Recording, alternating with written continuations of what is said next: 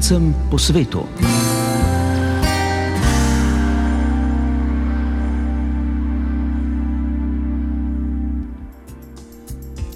Lepo pozdravljeni, dragi prijatelji naše oddaje, tako v tujini kot doma. Zadnjič smo z vami v tem letu, le že slabih 27 ur je pred nami in skopico dobrih želja in pričakovanj bomo stopili v novo leto z letnico 2023. Leto, ki se je že skoraj izteklo, je prineslo vrsto dogodkov, ki so zdaj že preteklost in jih puščamo za sabo. Med drugim smo zaznamovali tudi 70 leti druženja z vami, dragi rojaki, v oddaji Slovencem po svetu in vaših zgodb iz tujine. In tudi v novem letu se bodo petkova večerna druženja z vami nadaljevala. V nocojšnjem pa vam bomo postregli z zgodbami dveh mladih slovenskih raziskovalk iz tujine, Neže Ribarič iz Anglije in Katarine Nemec iz Amerike. Nekaj prednovoletnega prazničnega vzdušja pa nam bosta posredovali plesna umetnica in glasbenica Zala Pezdir za sneženega severa Evrope in lektorica slovenščine na poletni južni poobli Tjaša Lorbek. Praznično obarvana bo tudi glasba po izboru glasbenega urednika Janeta Webra, skozi oddajo pa vas bom še zadnjič letos popeljala Lili Brunec. Dnevi tik pred božično-novoletnimi prazniki so že tradicionalno postregli z vtisovim simpozijem, ki je letos potekal že sedmič, tokrat v hibridni izvedbi. Ob koncu pestrega dvodnevnega dogajanja v Ljubljani je mojca Delač pred mikrofon povabila raziskovalko in eno izmed organizatorjev Nežo Ribarič, ki je najprej strnila nekaj vtisov srečanja. Društvo v tujini izobraženih slovencev pod svojim okriljem združuje res navdihujoče ljudi in zgodbe, in takšna je tudi Nežina. Velenčanka mnogih talentov se je po končanem študiju fizike na Univerzi v Ljubljani odločila za nadaljevanje akademske raziskovalne poti v Združenem kraljestvu. S čim se raziskovalno ukvarja, zakaj jo je izmenjava v zadnjih mesecih iz Anglije odpeljala v Švico in kakšne želje ima pred vstopom v novo leto, bomo slišali v naslednjih minutah. Neža Ribarič, lepo pozdravljeni. Um, dobili smo se prav ob koncu uh, sedmega vtisovega simpozija v Ljubljani, s katerim vtisovci že tradicionalno zaključujete leto in negujete razvoj novih idej in, in dobrih praks. Kako se zdaj počutite kot organizatorka tega dogodka? Zelo dobro, moram reči, ker mi je res mi je všeč, da, se mi zdi, da vsako leto vidimo prvo, koliko slovencev nas je v tujini, pa sploh ne vemo drug za drugega drugo, s kakimi vsemi stvarmi na tako visokem nivoju se ukvarjamo, in je res zelo dobro to slišati in videti. In, da, in tudi, da nisi samo ujet, se mi zdi, da to, to biti slovenec nas povezuje. Ti mal pozabiš, včasih si pač v tistem svojem balončku, ker delaš, ne vem, jaz recimo svojo fiziko in potem slišiš vse te dobre raziskave, ki drugi počnejo. Um, in vidiš, ja, kolik, na koliko različnih področjih in na kakšnem visokem nivoju se s tem ukvarjamo že dežujejo odzivi? Um, ja, zdaj, odzivi so zaenkrat uh, veliki. Se mi zdi, da me vsako leto preseneča, koliko odzivov dobimo um, potem, v smislu, uh, da nas najdejo na državnih omrežjih in potem so študenti, ki so recimo zdaj razmišljajo o odhodu v tujino, nas potem kontaktirajo, ne, da jih povežemo z mogoče z govorci uh, ali kom drugim, um, ki študirajo v tujini in da potem. Za, začnemo ta uh, kroženje znanja. Ne? Torej, prvi vtisi so dobri. Tako so. Neža, povejte našim poslušalkam in poslušalcem, kako se je pravzaprav odvijala ta vaša pot, da ste postali slovenka po svetu. Um, torej, jaz sem diplomirala v Ljubljani ne, na fakulteti za matematiko in fiziko, potem pa sem iskala. Eh, s takratnim fantom sem se potem odločila za odhod v Anglijo in se mi je ponudila možnost za magistrski raziskovalni študij. Tega mi ne poznamo um, in se mi je zdelo tok nekaj novega, da sem končno. Naš študij je dober, ne, ne, ne me narobe razumeti, je odličen, je vrhunski, zelo dobro si teoretično podkovan, ampak se mi zdi, da vsaka stvar ima prednosti in slabosti, in meni je mogoče malo manjkala praksa. Da sem se počutila tako, da sem um, pomemben del ne, neke večje ekipe. In to mi je Anglija ponudila. Anglija mi je ponudila to magistrski raziskovalni študij, ker nisem imela nobenih izpitov, ampak samo svojo magistrsko delo. In sem res raziskovala in ljudje računajo na te. In si že takoj upeljan v to um, ekipo in delaš dobro, in se mi je zdelo, to, to mi je bilo to. Um, in pa me je pač ta njihova organizacija, um, njihovo delo, sam um, občutek na samem univerzu me je tako pritegnilo, da sem potem tudi ostala na doktorskem študiju um, in ne obžalujem. Kako je bilo se privaditi, se spomnite tistih prvih dni, prvih mesecev, prvih tednov življenja v nekem drugem kulturnem okolju? Naporno. Mislim, da smo bili danes med enim izmed panelov slišali pri, uh, pri neuroznanosti in psihologiji, da Slovenci smo posebni. Um, Slovenci imamo, sicer smo mehni, ampak mi imamo izredno razgibano državo. In se mi zdi, da to mi v Angliji malo manjkalo, ne? druge navade imamo. Um, Slovenci radi športamo, torej vsakeč, ko se dobimo, gremo rolat, gremo drsati, tako neka aktivnost. Britanci imajo pa zelo tako, gremo na pivo. Um, se ne da Slovenci ne, ampak ne v toliki meri. In se mi zdi, da s tem sem se zelo težko borila, ker sama sem športnik.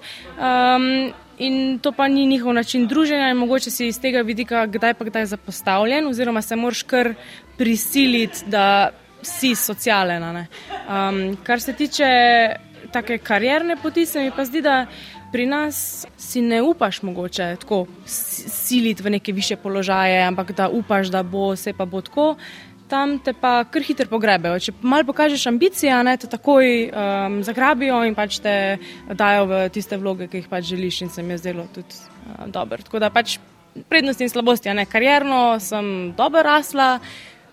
Socialno, mogoče malo manj, no, ampak um, se najde. Je pa tudi Anglija, Anglija in je pač tudi sama po sebi tako internacionalna, da pač tudi najdeš, um, pa tako velika, ne, da najdeš ljudi tudi zase.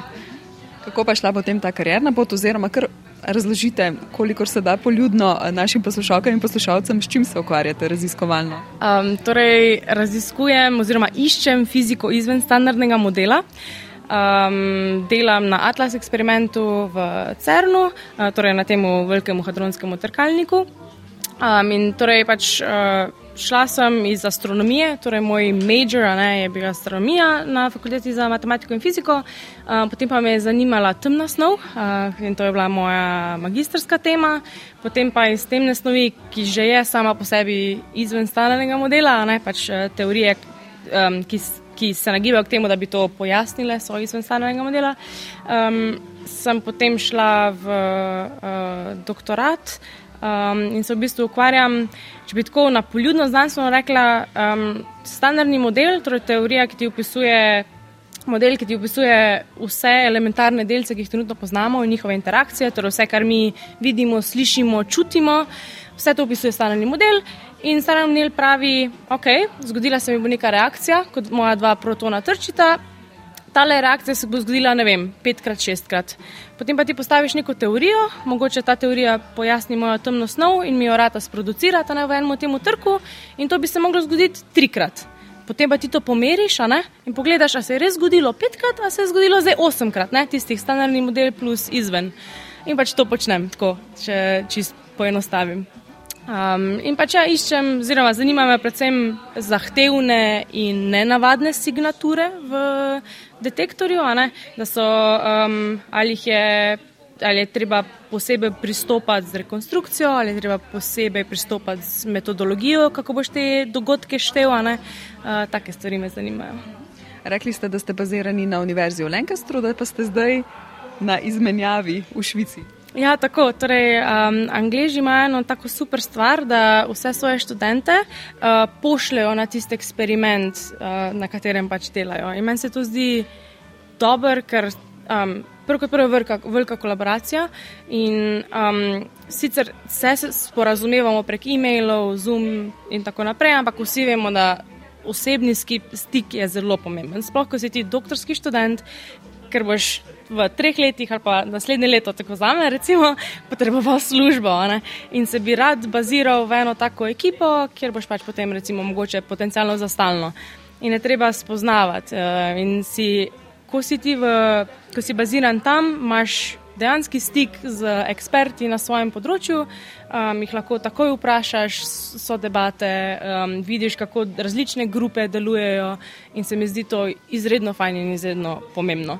Hkrati pa um, si lahko deležen torej prvo outreach, ne torej širjenje fizike, um, sprejemaš. Um, navadne ljudi, ki se pridejo pač cerenom gledati in jih probaš navdušiti in pač probaš pokazati, zakaj je to pomembno, kar počnemo. Um, plus skrbiš za sam detektor. Pač, torej, jaz sem lahko online, pa svojo raziskavo lahko opravljam čisto od doma. Ampak to, da si pa ti v kontrolni sobi in skrbiš, da, da detektor poteka dobro, da so podatki dobri, je pa tudi en poseben občutek. No. Kako ste zažareli, ko ste začeli o tem govoriti? ja, več, um, ja, veselje ne, za, za samo delo. Tako pred novim letom smo polni želja, vi ste malo že namignili o nekaj željah uh, za prihodne leto. Uh, kakšne so? Um, ja, torej, uh, moj rok je naslednje leto oktober, torej trenutno uh, finiširam uh, svojo doktorsko uh, dizertacijo. Um, Potem pa tako, ne, jaz sem v Angliji štipendirana strani Center for Doctoral Training in sicer so par let nazaj um, se je statistično pokazalo, da 80% doktorskih študentov ostane v akademiji, kar pomeni, da je veliko pomankanje izobraženega kadra v industriji. In so dali ven te štipendije, da bi spodbudili mogoče odhod uh, akademikov v industrijo. Um, torej, in te štipendije. Um, Jaz posebej jo imam za data science um, in v sklopu svojega doktorata moram za šest mesecev na prakso v industrijo. In pač tudi jaz priznam, da sem imela občutek, da bo to dolgočasno. Pač industrija, ojoj, to bo vse monotono, vsak dan bo isti. Um, pa sem dejansko to prakso upravljala in moram reči, da mi je bilo super. Meni je bilo fenomenalno. In pol zdaj, naslednje leto, ne, ko sem zdaj predstavljena pred to odločitvijo ostati ali zamenjati je velika. Um, in ne vem, in sem v bistvu pač bom videla, kakšne možnosti se bo naslednje leto uh, pojavile. Vsekakor bi rada ostala uh, v akademiji, ni pa vse čisto odvisno od mene. Ne? Kot smo danes poslušali um, iz ministrstva, recimo ta projekt Obzorja Evropa. E, evropske univerze so odvisne od tega, da dobijo nek grant, uh, nek funding, zato da lahko financirajo postdoc študente. In jaz sem od tega odvisna. Zdaj, če univerza tega denarja ni dobila, potem jaz se ne morem na nekaj prijavljati. Ne? Uh, ameriške univerze so malo bolj fleksibilne, kar se tega tiče, ampak spet, ali sem se ponovno pripravljena seliti, zdaj že Anglija, Švica ali že nazaj v Slovenijo, pa še ne vem. Še čisto bivansko me zanima, v Veliki Britaniji se je v tem času, ko ste bili tam, zgodilo kar nekaj stvari. Dobro, celemu svetu se je zgodila pandemija, pa še Brexit in vse ostalo. Ste vi to kaj doživljali? Um, ja, doživljaš malo. No? Se mi zdi, da uh, sploh za mene je bil, mislim, ne bom rekla problem, no, ampak tako nekaj, kar imaš konstantno v mislih. Um, ko sem prišla v Anglijo, torej sem jaz ko, ko se je zgodil Brexit, ne, sem v Angliji živela tri leta, kar pomeni, da ti pol takrat dajo pet let, da nabereš pet let bivanja v Angliji, da dobiš pač ta um, settled status. Pa se je zgodila pandemija, ker sem jaz prišla domov, zdaj sem v Švici, torej ali nazaj v Anglijo in to ponovno zaprošati ali ne, kako bo zdaj sodelovanje Angležev z um, evropskimi institucijami. Ja, občutiš, občutiš se mi zdi, da še najbolj kot študent, zato ker pač mlad si, nisi, ti nimaš deset let izkušenj s tem ne? in ne veš, kako je z vizami, kako je s tem fundingom, to lahko ali to ne. In se mi zdi, da najbolj občutijo to študentje. Da tisti, ki so v Angliji že nekaj časa ali pa ki so starejši, pa ki so že mogoče se selili v kje pa kol po svetu, imajo izkušnje s tem in niso tako burno, mislim, burno reagirali. Tako, uh, nam je pa to obremenjujoče, ker si pač mlad in še ne veš. In je velik neznank, pa velikrat se spotakneš ob kaj, pa kaj ne veš. Da. Še dobro, da v tisu lahko izmenjate kakšne izkušnje in vprašanja. Ne? Ja, se strinjam, se strinjam. Zato mi je pač simpozij tako dober. Res, naš moto je zmanjšujemo razdaljo med tujino in Slovenijo, ampak se mi zdi, da december je pa ta čas, ki je ta razdalja posebej tanka. Koliko časa je šlo v pripravo tega simpozija? Kar precejno se mi zdi, da tako um, najprej, da se sploh pregleda, kaj smo že počeli, ker se ne ponavljamo glede panelov, ne pa teme okrogle mize, da se to pregleda, da se pregleda, kaj je bilo lani dobro, kaj je bilo slabo. Letos je po prvem času, mislim, prvič, da je prvič hibridno, ampak tudi uživo, uh, prostor, kako s kom. Um, gre kar nekaj časa, nekaj priprav, tako enih šest mesecev je pa, ne, da se vse dobro izpelje, potem pa, da se iščejo ti slovenci. To, tist, to je meni največji ta del, ki tok. Najdeš en panel, pa rajdeš recimo dva govorca in sta ti fenomenalna, ampak pa če rabimo pa tri, ne recimo. In pol iščeš po LinkedIn ali po Facebooku ali prek vez na Slacku, preko Tisa in najdeš druge raziskovalce, ki sploh ne vejo, da mi obstajamo. Ne? Sploh ne vejo, da mogoče ojoj, ej, v tej državi pa v bistvu obstaja lokalni odbor, kjer se slovenci družimo in pa so tako veseli, da lahko pridejo in pač predavajo o svojem znanju. In to mi je tako dobro, da vsako leto se nam s tem simpozijem potem pridruži še več ljudi. Ne? Neža Ribarič, kateri so vaši najljubši hobiji? Najljubši hobiji. Um, Ja, odkar sem se preselila v Švico, se mi zdi, da je korelacija med je fizik in pleza ena, ker se mi zdi, da vsi plezajo. Tako da trenutno se drugače, ne bom rekla profesionalno, ampak bolj resen hobi je dvigovanje uteži. Um, tako da to počnem res na skoraj na dnevni bazi. Uh, sem pa začela pridno plezati in kolesariti, se mi zdi, da pač. Švica je taka, da kliče po teh aktivnostih in vsi potem tudi v CERN-u, ki so pač fiziki based at CERN, so taki aktivni. Fiziki smo radi, laufamo, klezamo, eh, hribolazimo. Um, tako da ja, zunanje stvari, da sem v naravi, nagibam. Kako boste preživeli praznike? Doma z, z mamo in očetom, uh, pa, pa pač prijatelje, seveda. Um, zdaj je malo lažje, ker sem v Švici, pa obstajajo dobre povezave. Anglija je bila malo bolj problematična, kar se tega tiče prihajanja domov. Um, ampak ja, želim si sam uh, domačih jedi, tako bom rekla, ker ne vem, recimo pohane krače, to pač sam za sebe ne boš počel, ne ker je veliko nereda, ampak ki si pa doma, pa ki veš, da je družina na kupu, mi pa, mi pa, mi pa, pa še tako. Ja.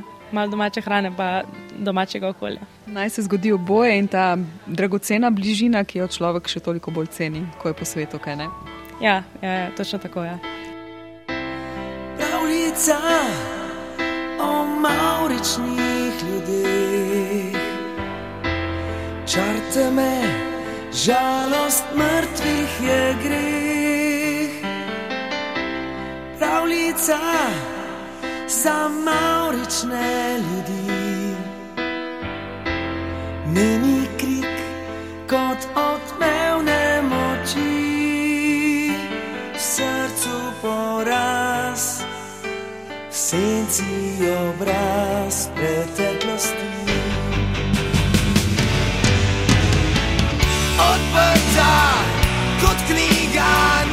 Njihova je pot.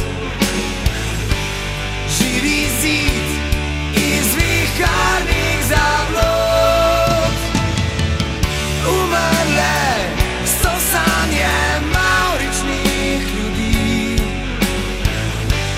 Ognja žar pod pepelom še tli, Maurica spet ga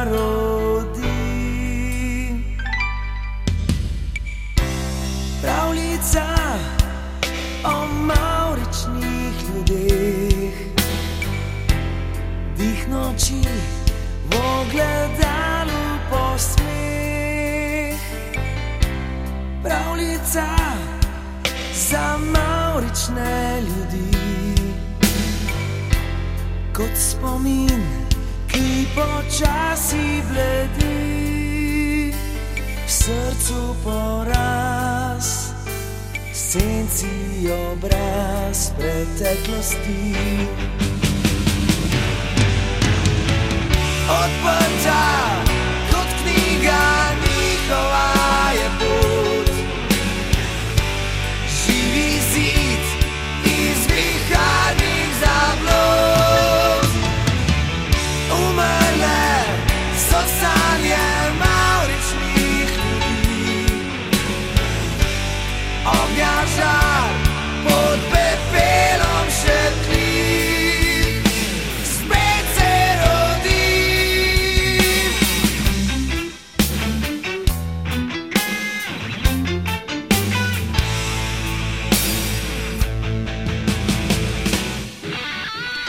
Doktorico Katarino Nemec pa je raziskovalna pot odpeljala v Združene države Amerike.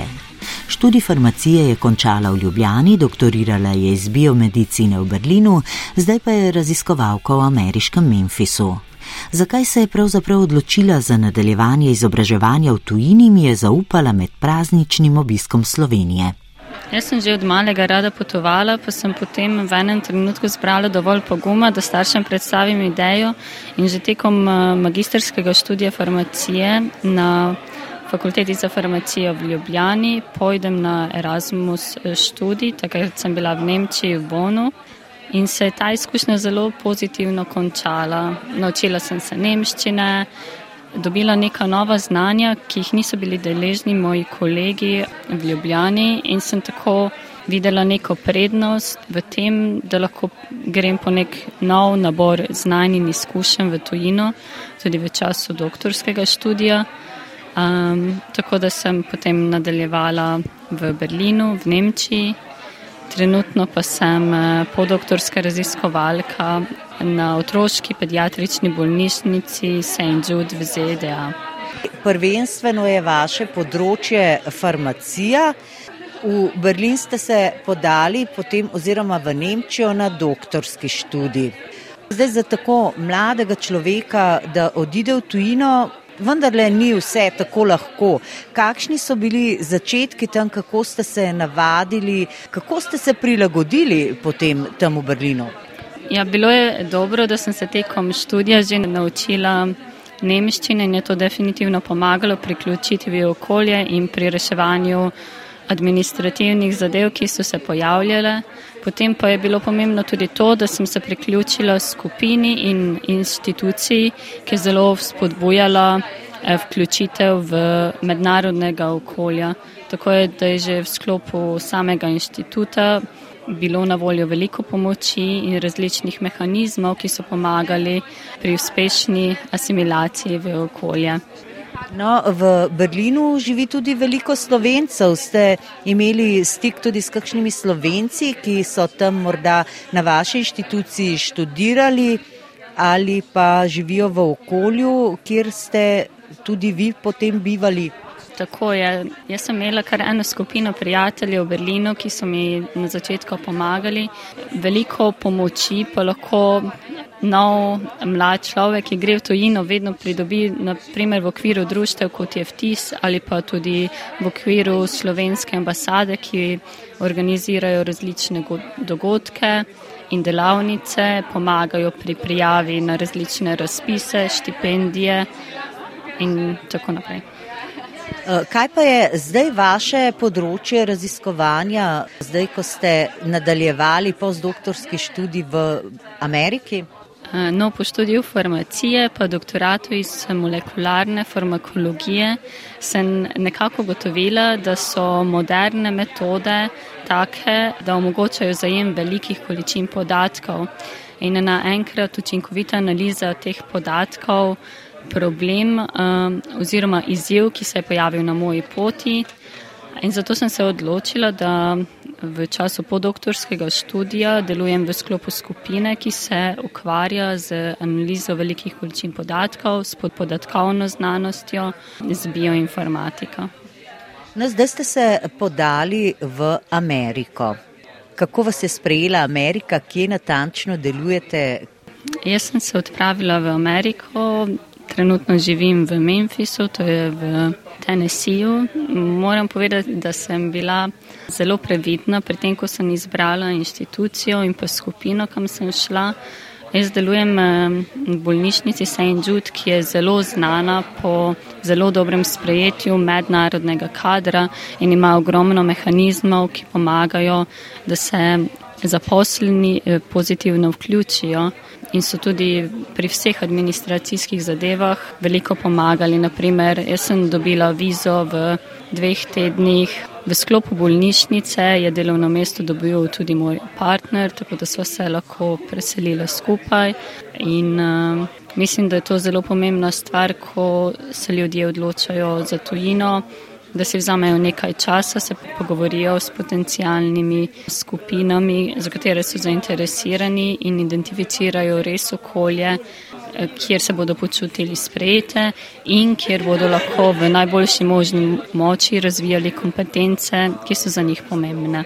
Kakšno pa je okolje, kjer vi delujete? Kako je tam?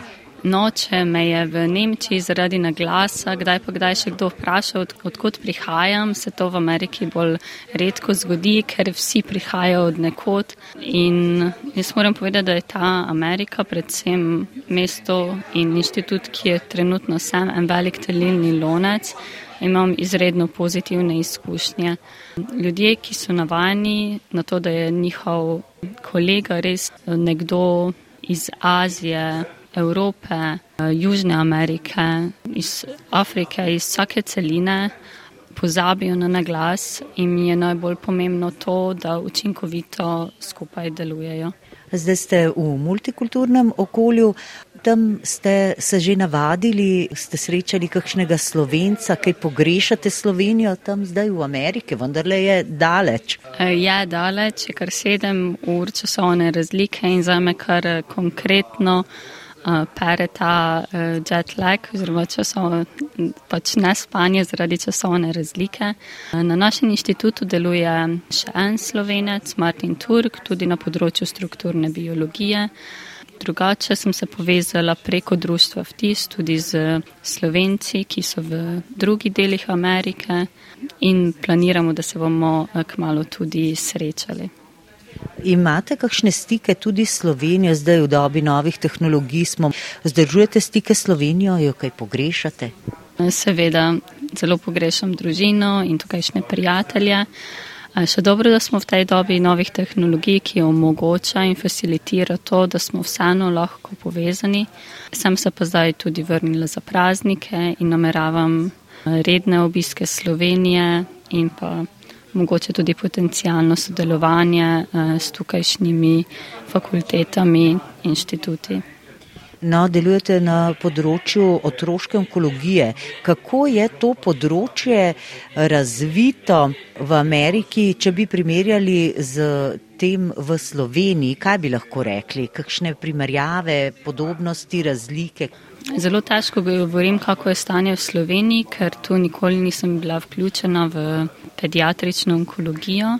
V Ameriki je zelo dobro, ker delujem v sklopu bolnišnice, ki jo financira v resnici največji dobrodelni medicinski fond celi Ameriki. Je to bolnišnica, ki ima dovolj denarja, da si lahko privošči najmodernejše raziskave, strokovnjake in naprave vendar je to tudi institucija, ki se izredno zaveda, da bo prihodnost možna samo s sodelovanjem. In tako mi sodelujemo z celim svetom, z bolnišnicami iz eh, manj razvitih, pa tudi razvitih držav.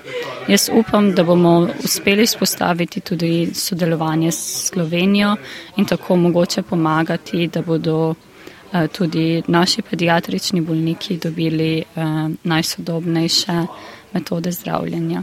No, pa če se ozreva še malo takole v prihodnost, kako pa vidite prihodnost, ustajate v tujini tudi daljnoročno ali morda imate nekje v mislih, da se v prihodnosti vrnete tudi domov v Slovenijo in tu delite svoje znanje in izkušnje?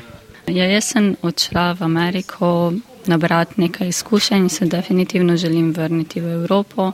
Zelo rada bi se vrnila tudi v Slovenijo nekaj let bo verjetno trajalo, da se bo razvila študija, na kateri trenutno delam. Potem pa bom zelo aktivno se ozirala za priložnosti eh, v Sloveniji. Najlepša hvala za pogovor. Jaz vam želim vse dobro, srečno in uspešno v novem letu in pa vesele praznike. Najlepša hvala tudi vam.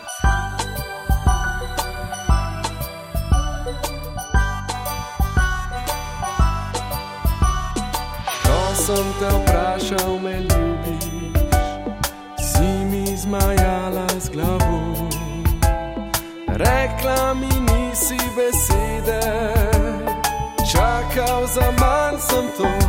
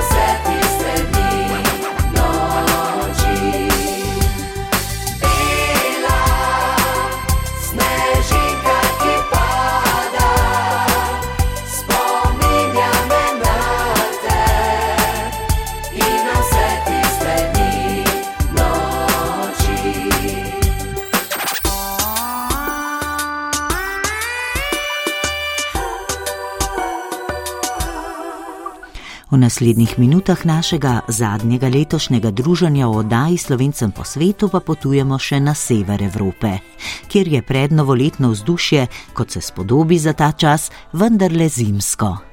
Severa Švedske se nam je oglasila plesalka, plesna pedagoginja in glasbenica Zala Pezdir, ki že skoraj 15 let biva v Upsali. Najprej se je seveda ozrla v praznični čas. Na švedskem je recimo božič mal bolj pomemben kot novo let. Mislim, pomemben v tem smislu, da je neka tradicija mal daljša. Pač božični prazniki so nekako bolj del enega, kako bi rekla, pričakovanja, enih navad, da se ponavadi odpelješ k vsaj enemu delu družine, praznuješ skupaj. Ponavadi novo leto se praznuje bolj individualno. So pa mi dva res dele na severu, pri starših mojega partnerja. In tukaj je zelo tako zimsko vzdušje. Imamo ja, nekaj 60 cm snega, ki včeraj je zapadlo, smo morala kidati cel dan in to je bilo meni tako super zimsko vzdušje. Zaradi tega, ker v Upsali se je pa sneg že stopil.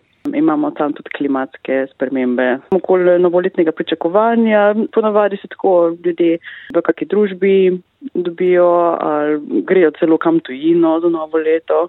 To je zelo individualno praznovanje. Velika mesta imajo vedno kakšno praznovanje zunaj, ne? ampak nekih tradicionalnih jedi pa to je zelo odvisno od družine. Bolj so te stvari nekako znane za božič, kaj se je ali pa se je jedlo. Kakšna pa je zgodba s kozlom, ki ga v tem prazničnem božično-novoletnem času švedi postavijo na trgu oziroma v mestu, ujavljajo, mislim, da se je pojavil? Ja, jevle, jevle ima enega velikega kozla, ampak to je nekaj predkrščanskega, katerem smo se gli zanič le pogovarjali, v bistvu ne vemo, če si točno, odkje ta kozel prihaja. Tudi vsa mesta ga nimajo, vsi ne vejo več točno, kaj ta kozel predstavlja. Je pa to nekaj predkrščanskega, po enih predstavah naj bi to bili nek duhovi, ki po noči hodijo okoli in strašijo. Mislim, je to nek, nek simbol, ki tukaj je decembra, ampak kaj pa predstavlja, pa točno ne vemo. Ta je ena taka stvar, tradicionalna, ki pač jo prenašamo iz leta v leto, ampak v bistvu pa točno vemo, kaj je. No, e, vi ste plesalka, plesna pedagoginja, tudi vse čas vašega bivanja na švedskem se ukvarjate s plesom. Kako intenziven pa je ples pri švedih? E, radi plešajo, je ples pri severnjakih prisoten tudi med prazniki, se prepustijo plesnim ritmom v času praznovanja? Ples tukaj je dost prisoten, v glavnem kot nekaj skupinskega, bi se rekla. Poučujem ples in tu tega je ogromno, da ljudje plešajo in se učijo plesa v obliki tečajev, plesnih ur. Če se pa kdo sprosti takole in zapleše za novo leto, tega pa jaz še nekako nisem videla, ampak to sem ponavadi, nisem v nekih velikih družbah Tako da težko odgovorim. Ljudski ples obstaja, več form. En tak najbolj znan, najbolj znana forma se mu reče Poljska. In tudi kot ime pove, nekako prihaja iz istih, kako bi rekla, geografskih prostorov kot um, Poloneza in to so polske korenine. Je pa potem vedno ena taka stvar, nekih uh, etničnih plesov, da pač te oblike se prenašajo iz prostora v prostor, ampak potem se nekje malo posebno razvijajo in pol temu rečemo, da to pa nek značilen ples od tam. In tako je bilo to s to Polsko, ki je v tretjetinskem taktu in ker jaz pač igram violino in tudi plešem, to kar dobro poznam. No, pri slovencih pa je ples zelo prisoten. Ali imate tudi med vašimi učenci na švedskem kakšnega slovenca, tudi v Psali, kjer bivate, jih živi kar nekaj, kaj ne? Ja, kar nekaj, ampak jaz še nisem imela nobenega slovenskega učenca v teh mojih letih. Učim pa od leta 2009 so slovenci, ampak veliko krat pridejo zaradi univerze in pridejo študirati, potem pa grejo. Tako da nekako nimam veliko stikov s slovenci v obserju. Učim v bistvu na različnih koncih, učim v eni šoli, ki se reče Ekibidan Studio, pa učim tudi v Jeblu, prav tem mestu, ki imajo tega velikega kozla, v kulturni šoli Jeble. Potem delno učim tudi na balet akademiji v Štokholmu, ki je šola za plesalce, za poklicni ples. Tako da imam precej različne delodajalce in Upsala je ravno med Jevlom in Štokholmom, tako da je ta region je dostopen. No, sicer pa poučujete tako balet kot tudi izrazni ples, ne? Ja, tukaj rečemo bolj sodobni ples, ampak to je nekako, ja, ista tradicija. Imam veliko učencev, tako za balet kot za sodobni ples. No, že 15 let živite in delate na švedskem. Kakšno je bilo za vas leto, ki se izteka? Kaj vam je prineslo na vašem delovnem in umetniškem področju? Ste ga preplesali?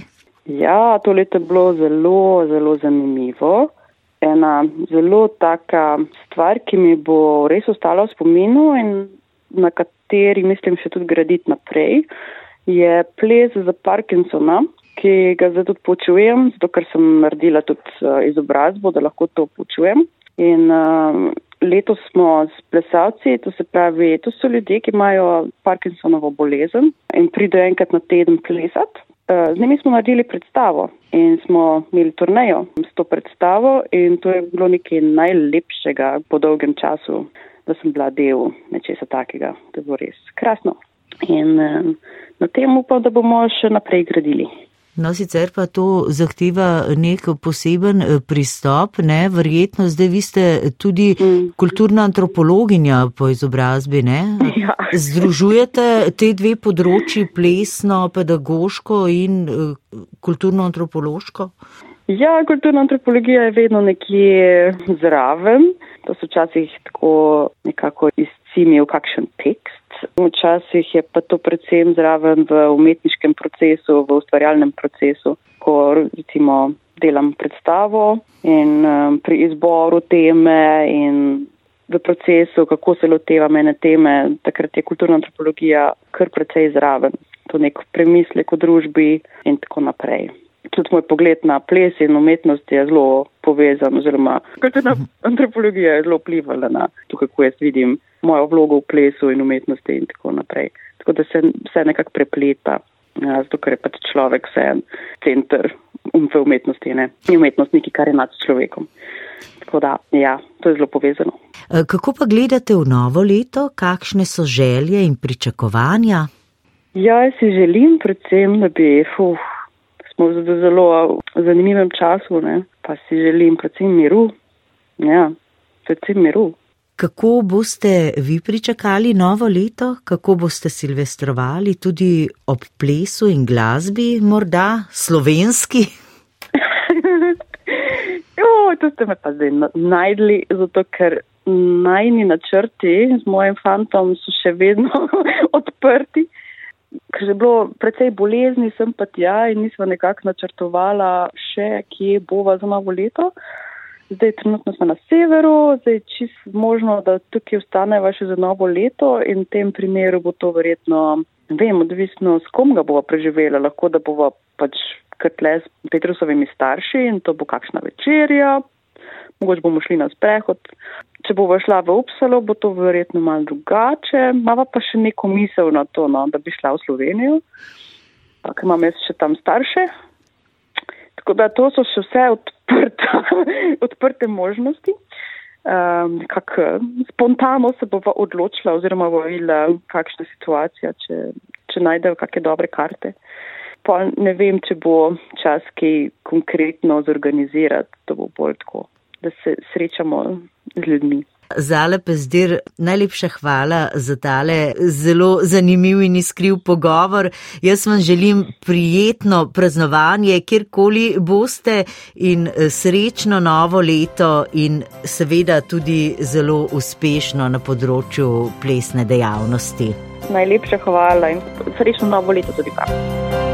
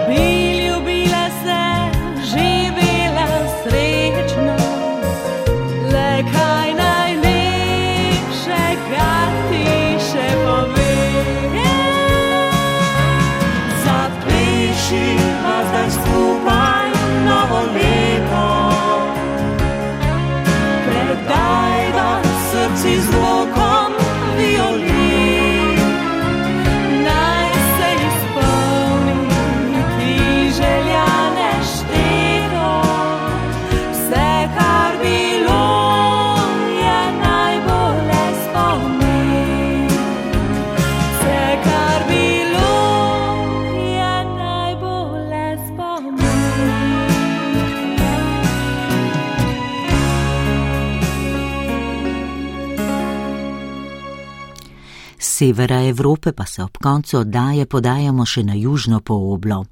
Kako pa božično-novoletne praznike preživljajo tam, kjer je decembra poletje in več kot 30 stopinj Celzija? O tem se je Živa Trček pogovarjala z lektorico slovenskega jezika v Buenos Airesu Tjašo Lorbek. Kot je povedala, decembrski prazniki v Argentini se upadajo s koncem šolskega in študijskega leta ter z začetkom poletnih počitnic, tako torej kot je v Sloveniji konec junija. Posebnih silvestrovanj na prostem v Buenos Airesu ni, prav tako ne božično-novoletnih sejmov, hrano prilagodijo visokim temperaturam, nazdravljene s šampancem pa tudi ni prav v navadi. Zaradi visokih temperatur pa lahko, kot je še povedala Tjaša Lorbek, novo leto pričakajo kar v kratkih hlačah. In kako to praznovanje izgleda? Je zanimivo, zagotovo. Po svoje sploh ne veš, da se približuje Božič ali novo leto. Vsi nekako hitijo še decembra, da zaključijo vse, da se še srečajo z vsemi. In ker seveda je poletje, ni tudi mesto, pravzaprav ni okrašeno. Veš, mogoče, da je Božič, če zaideš v nakupovalno središče, ki, je edino, ki ima edino postavljeno smrečico in uh, kakšne lučke. Tu in tam ima mogoče predverje, kakšne stanovanske uh, zgradbe, tudi smrečico postavljeno. Drugače pa um, ni božičnih sejmov, ni koncertov, nič posebnega se prav ne dogaja decembra v smislu praznovanja novega leta. In pa tudi potem božič in novo leto sem ugotovila, da se praznuje zelo podobno. Berejo se ponavadi doma, v družini. Oni so sicer sabo, ker so to večinoma evropski priseljenci, so tudi sabo prinesli vso to tradicijo evropske kulinarike za božič in novo leto in seveda ugotavljajo, da je to pretežka hrana za poletje in potem ponavadi raje si pripravijo to klasično, tipično, najbolj tradicionalno meso na žaru, argentinsko, ki se imenuje asado. In uh, kakšne solate zraven, obvezno kakšen sladoled. Mislim, da tu pa tam, kdo se dejansko loti te tradicionalne božične kuhinje, da se to je za božič, so seveda prisotni ti sadni kruhi ali pa sadni kolači. To je mogoče ena taka res najbolj tipična jed za ta čas. In potem se družijo, čakajo do polnoči, tako za božič kot za novo leto, na zdravijo. Če imajo navado se izmenjati darila za božič, to naredijo takrat, o polnoči. Po polnoči potem ponavadi se lahko vidi v daljavi, kakšna ker jaz živim namreč v eni stolpnici v visokem nadstropju, tako da imam pogled na celo mesto, se vidijo manjši ognjemeti po celem mestu, ni pa organizirane nobene posebne zabave, recimo v središču mesta s kakšnim ognjemetom, koncertom, nič takega. Tako da se meni se zdi, da je potem novoletno praznovanje pravzaprav samo ena taka kopija božičnega praznovanja, s tem, da za novo leto po polnoči običajno mladi predvsem grejo ven, se dobijo kje s prijatelji. Tako da se mi zdi, da je bolj začetek poletja, začetek počitnic. Se mi zdi, da je podobno, kot mene sprašujejo, kaj, kako pa mi praznujemo dan državnosti, recimo 25. junija, popravim jaz, je pa nič posebnega ne počnemo, pač je kakšna proslava, morda tudi v šoli, zaključek šole in gremo vsi na počitnice. Se mi zdi, da oni na enak način jemljajo te božično-novoletne praznike. Skratka, bolj kot začetek poletnih počitnic in konec študijskega leta, ne pa kot recimo Silvestrovo najdaljša noč v letu, tako kot mi radi v Sloveniji rečemo. Tako, ja, tako, ker se res nič posebnega ne dogaja. A potem, če bi recimo zdaj jaz odpotovala eh, v Buenos Aires, pa ne bi vedela, kater datum je, pravzaprav ne bi vedela, da se približuje novo leto. Skoraj ja, bi lahko trdila, da je. Uh -huh. uh, a imajo kakšne druge navade uh, decembrske oziroma uh, mogoče prednovoletne, predbožične? Nekaj ste že omenili kuhinjo, ki je seveda prilagojena visokim temperaturam. Imajo kaj drugega še takega za razliko od nas slovencev recimo? Mislim, da je potem odvisno od posamezne družine, od tradicije, ki jo imajo, ki so jo prinesli s sabo, mogoče njihovi starši ali stari starši iz Evrope, da jejo določeno hrano, ki je značilna za tisto državo. V slovenski skupnosti vem, da gotovo se držijo, kolikor se le da slovenskih tradicij, drugače pa bi težko rekla, bi težko bi izpostavila, kaj je tako posebnega, da bi bilo drugače.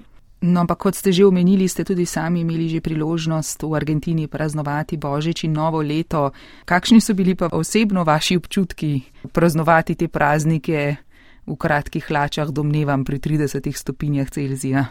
Meni se je zdelo super, da sem lahko večino, recimo predbožičnega večera preživela na bazenu in potem si, ne vem, naredila koktejl na mesto kuhanega vina.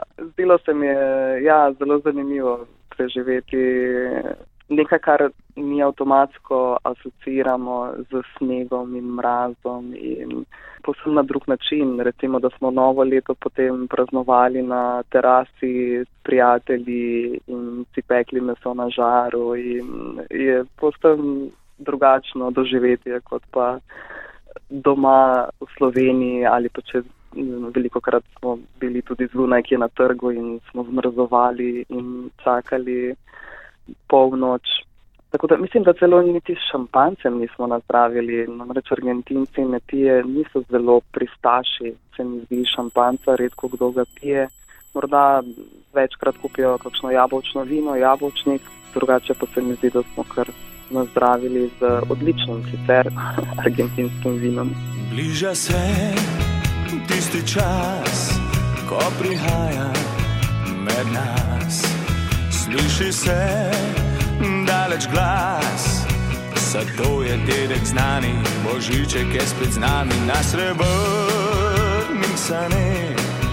Čakate, sreča smeh, vsakemu izmed nas, z neba se bo spustila, želja izpolnila. Naj res bo srečno,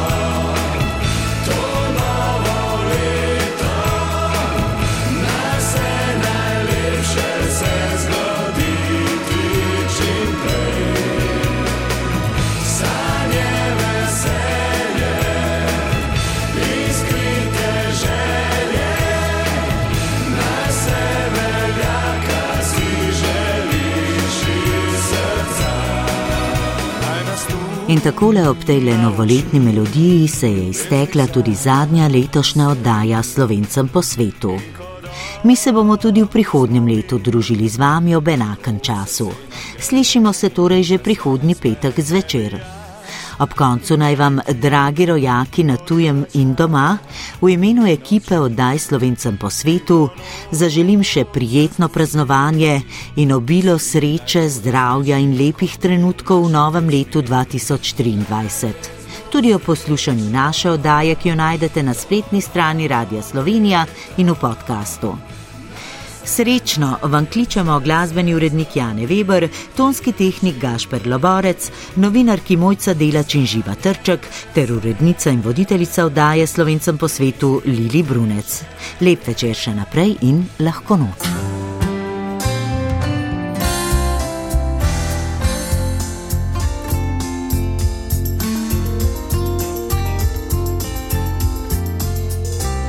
Slovencem po svetu.